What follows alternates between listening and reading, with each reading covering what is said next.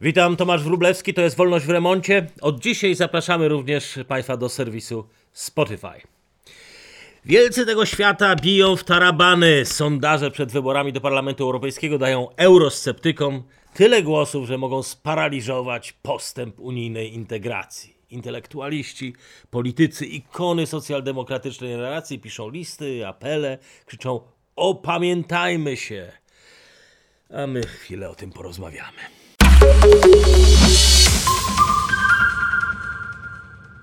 Europejski Komitet do Spraw Polityki Zagranicznej opublikował właśnie głośny raport, jak antyeuropejczycy planują zniszczyć Europę i co my z tym mamy zrobić. Raport zakłada, że przeciwnicy dalszej integracji zdobędą jakieś 33, może 34% e, głosów. Co prawda te rozmaite frakcje, grupki są jeszcze rozproszone, ale według autorów to już tylko kwestia czasu. Połączą się, zjednoczą i zaatakują. Dlatego autorzy apelują: nie stójmy w miejscu, działajmy, wbijajmy klin między poszczególne frakcje, pokazujmy, ile kosztować będą nas ich programy, mówmy o praworządności, o ochronie środowiska i utraconym dobrobycie. To niezwykły dokument. Z jednej strony zaskakująco emocjonalny, jak na skostniałą unijną biurokrację, a z drugiej strony bardzo narzędziowy, wskazujący na sztuczki mogące osłabić drugą stronę. Z podobnymi zresztą apelami y, występował Soros y, i 30 innych europejskich intelektualistów, którzy też, to zacytuję, klęska Europy, która wyłania się na horyzoncie. Kryzys sumienia europejskiego, który obiecuje zburzyć wszystko, co sprawiło, że nasze społeczeństwa są dziś wielkie, szlachetne i dostatnie. Mamy wyzwanie na miarę tego z lat 30. poprzedniego wieku. Wszystko jest w tym liście, z wyjątkiem odpowiedzi na pytanie, jak to się stało, że ta sama idea, która postawiła kiedyś Europę na nogi po II wojnie światowej po raz kolejny po upadku muru berlińskiego, dziś nie radzi sobie z żadnym z wyzwań. Z marazmem gospodarczym, z Brexitem i kryzysem imigracyjnym, kryzysem euro. Unia coraz mniej przypomina nudną machinę urzędniczą, a coraz bardziej tygiel narodów boksujących się o prawa, przywileje, pieniądze i szacunek. Kryzys goni kryzys. Pierwszy raz od 1940 roku rząd w Paryżu odwołał swojego ambasadora w Rzymie. Donald Tusk z premier May przekrzykują się, kto tu będzie szybciej się smażył w piekle. Premier Rumunii oskarża Niemcy o hipokryzję, skorumpowane niemieckie banki. Wielka Brytania straszy zamieszkami na granicy z Irlandią. Berlin grozi, że zerwie umowę ekstradycyjną z Londynem. Włochy, że złamią unijne postanowienia celne i po Brexicie nie nałożą cel na wolną, na Wielką Brytanię. A na te wszystkie awantury nakłada się ostre hamowanie gospodarki. Wzrost gospodarczy strefy euro skurczy się co najmniej e, z 1,9% do 1,3%, to jest prognoza Komisji Europejskiej. E, mimo buczycznych zapowiedzi końca kryzysu, produkcja przemysłowa w Europie w 2018 roku wciąż pozostaje niższa niż w 2008 roku, choć w tym samym okresie to są dane Banku Światowego, produkt krajowy brutto w Chinach wzrósł o 139%, o 96% w Indiach i 34% w Stanach Zjednoczonych. Ojcowie założyciele wiedzieli, że Europę czekają wstrząsy, jak to niedawno napisał profesor Robert Gwiazdowski.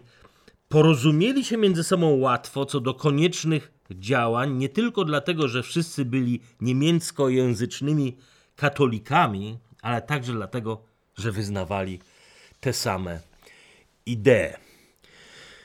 Wierzyli, że tylko wolność gospodarcza, wolna konkurencja i nieskrępowany kapitalizm są w stanie ochronić stary kontynent przed gospodarczym uwiądem i narodowymi wojnami. Trudno w to dzisiaj uwierzyć, ale Unia Europejska nie powstawała po to, żeby budować Unię socjalistów antykościelnych.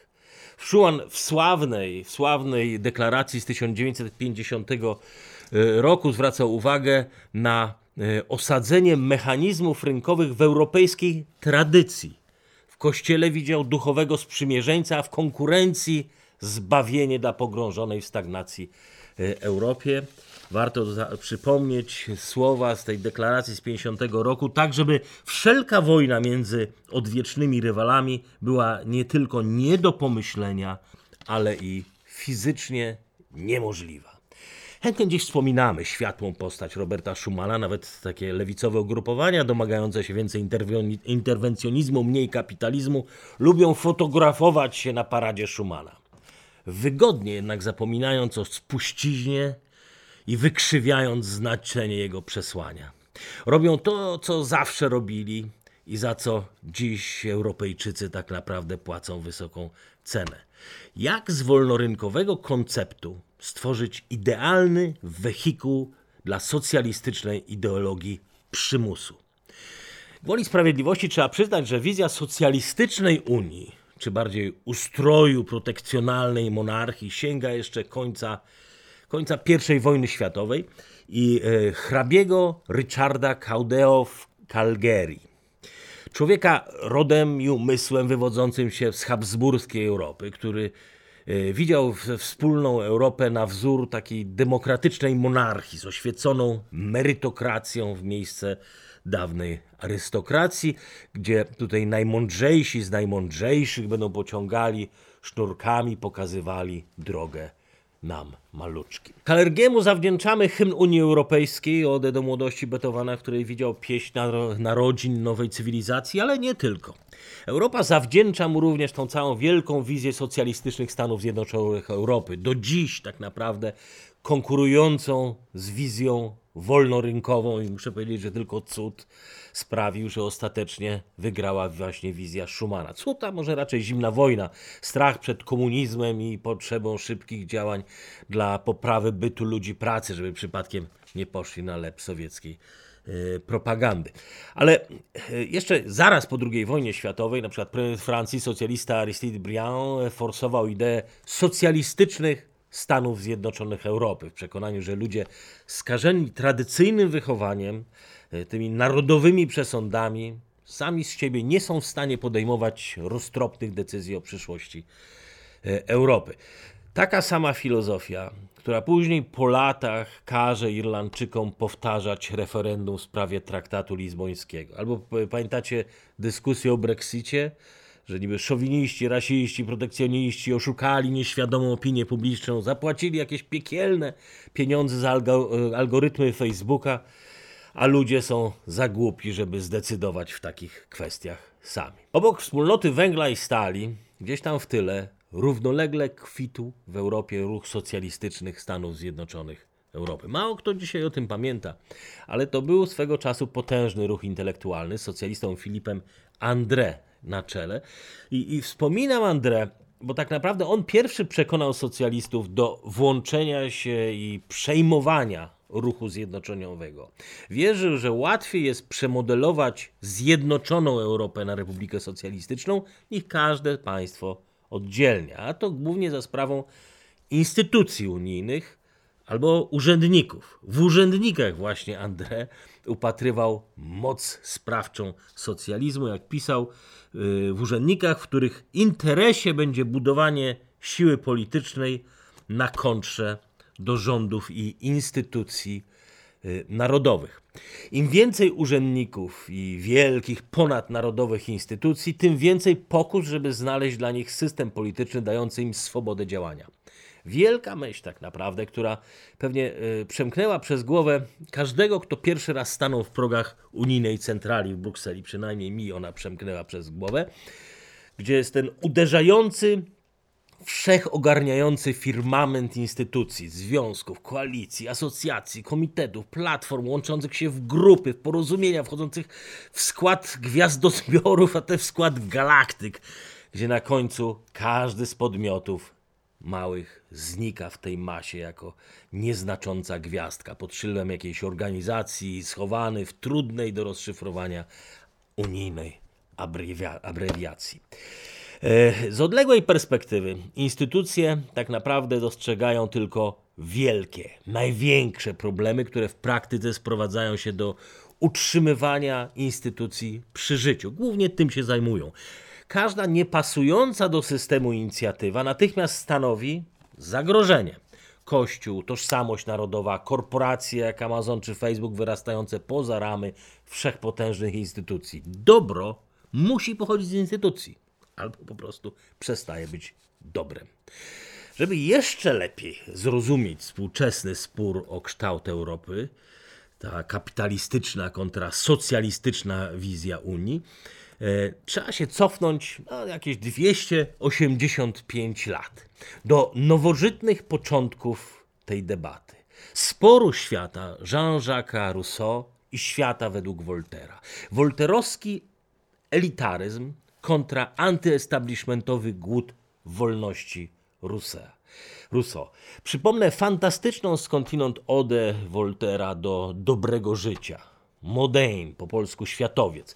E, W 1707 1736 roku Voltaire publicznie odrzucił wartości chrześcijańskie jako mroczne doświadczenie ignorancji, uprzedzeń i deprawacji.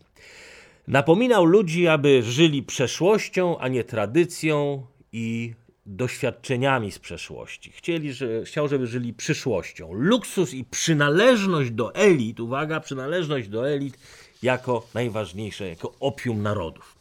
Po drugiej stronie e, wciąż aktualnego sporu Jean-Jacques Rousseau.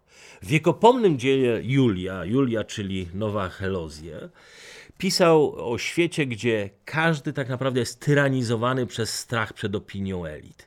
A te elity zajęte są intrygami i celebrowaniem swojej próżności. System społeczny według Rousseau został już wtedy tak zaprojektowany, żeby utrzymywać większość społeczeństwa w niewoli, w strachu przed mniejszością, która się nazywa elitami. Wszystkie te y, wielkie słowa, pisał Rousseau, społeczeństwo, sprawiedliwość, wzajemna obrona, pomoc dla słabych, to tylko przynęty wymyślone przez sprytnych polityków lub pochlebców. Polecam to, to dzieło. E, Tego nie wykrzykiwał wściekły tłum w żółtych kamizelkach, ani ideolog partii pięciu gwiazd we Włoszech. To pisał Rousseau i to 261 lat temu. W 2002 roku mędrcy Unii Europejskiej zjechali się w Kopenhadze i odkryli, że wszystkie problemy, przed którymi ojcowie założyciele ich tam kiedyś przestrzegali, dalej są problemami. Utrata na przykład przewagi konkurencyjnej z Azją i Ameryką problem. Konflikty narodowościowe problem. Wszystko zamiast odchodzić w niepamięć, nasila się. Coś robimy, ale nie tak. Ciekawe, że nikt nie przypomniał wtedy deklaracji Schumana. Rynek postanowiono leczyć dalej antyrynkowymi mechanizmami. Jeszcze więcej socjalizmu. Remedium miało być wprowadzenie euro, wspólnej waluty, jako katalizatora politycznej integracji. Y, O eurokatastrofie nagrałem już wcześniej dwa podcasty, także odsyłam do nich, a teraz chciałem powiedzieć o kolejnym elemencie przełomowego projektu, który miał ratować y, Europę te 16-17 lat temu przed demonami, nacjonalizmem, amerykańskim kapitalizmem i oczywiście zapaścią gospodarczą. Projekt nazwano sobie wtedy Wielka Europa i postanowiono zasypać wszystkie problemy publicznymi pieniędzmi, czyli funduszami spójności, wsparcia i co tam jeszcze, jakie ładnie nazwano, w sumie osiem ich było. Więcej pieniędzy za więcej integracji. To było znaczące odejście od idei Schumana, przekonanego, że integracja powinna być naturalnym procesem zmiany postaw ludzkich, a nie politycznym przekupstwem. Do dziś na projekt popłynęły pomocowe pieniądze z Unii, łącznie 900 miliardów euro. Sama Polska po odliczeniu wkładu własnego dostała y, bez mała 100 miliardów euro.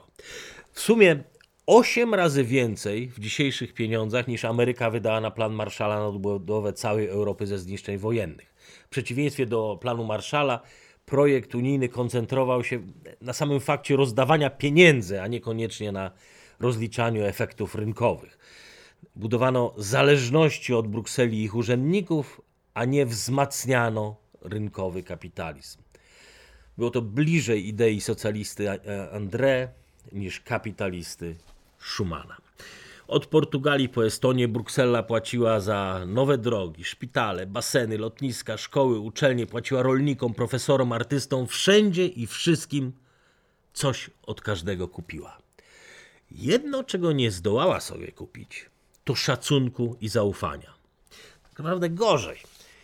Dziś wiemy, że główni beneficjenci wkrótce okazali się największymi przeciwnikami dalszej integracji. We Włoszech najwięcej pieniędzy z Unii dostała Sycylia, gdzie w ostatnich wyborach wygrała antyunijna partia pięciu gwiazd. Na drugim miejscu pod względem przyjętych funduszy unijnych był Piemont, dziś w rękach antyunijnej ligi. W Wielkiej Brytanii najwięcej pieniędzy otrzymało hrabstwo Gwent. Y, W ostatnich wyborach w 62% głosowali za Brexitem. We Francji najwięcej funduszy zebrał region Calais, niegdyś przemysłowe centrum, potężna elektrownia węglowa, stalownie, tekstylia. W Parlamencie Europejskim region reprezentuje dziś partia Marine Le Pen która domaga się jak najszybszego wyjścia Francji z Unii. Hiszpania, kolejny kraj obsypany unijnymi datkami, rondami w lesie, lotniskami na bezdrożach, za chwilę idzie do wcześniejszych wyborów parlamentarnych, gdzie antyunijni narodowcy dyszą już na karku probrukselskich socjalistów. W Polsce ostatnia największa pula pieniędzy regionalnych poszła na Śląsk, który w ostatnich wyborach samorządowych, wyborach do Sejmiku wybrał, wybrał skłócony z Komisją Europejską PiS, a jakże. W pędzie od jednej do drugiej perspektywy unijnej hojności gonimy za lepszym światem, za czystym powietrzem i jeszcze czystszym powietrzem, za, sprawa, za prawami rowerzystów, sprawiedliwością w miejscu pracy, za rządami obsadzanymi według kluczy etnicznych, płciowych, referencji seksualnych. Wszystko ma dać wrażenie, że zdążamy do jakiegoś idealnego, lepszego świata, przy czym sami coraz częściej mamy na to coraz mniejszy wpływ. Na koniec okazuje się, że Włosi może i mają więcej ścieżek rowerowych, ale ich wzrost gospodarczy stoi w miejscu od 2004 roku, kiedy przyjęli euro.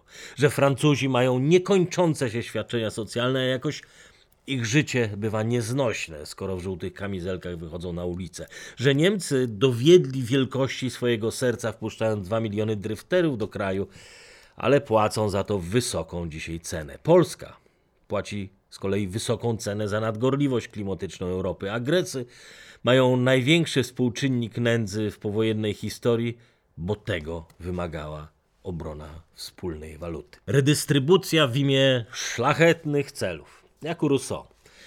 Ale tak naprawdę to jest nic innego jak poszerzanie władzy ponad to, co instytucjom było dane w ramach demokratycznego mandatu. Poszerzanie własnych wpływów kosztem rządów narodowych, lokalnych społeczności czy poszczególnych jednostek. Bruksela za nasze pieniądze nie kupuje tylko dróg i mosty. Kupuje naszą wolność, o tym warto pamiętać. Wolność, którą na koniec y, robi to, co zawsze socjaliści robią, monopolizuje władzę i przejmuje gospodarkę. Jakże symptomatyczne, że w całym tym zgiełku troski o przyszłość Europy niemiecki minister do spraw ekonomii Altmaier wystąpił ostatnio w Bundestagu, roztaczając taką piękną wizję ratowania Europy przed amerykańskimi i chińskimi, chińskimi firmami przez ustanowienie europejskich czempionów.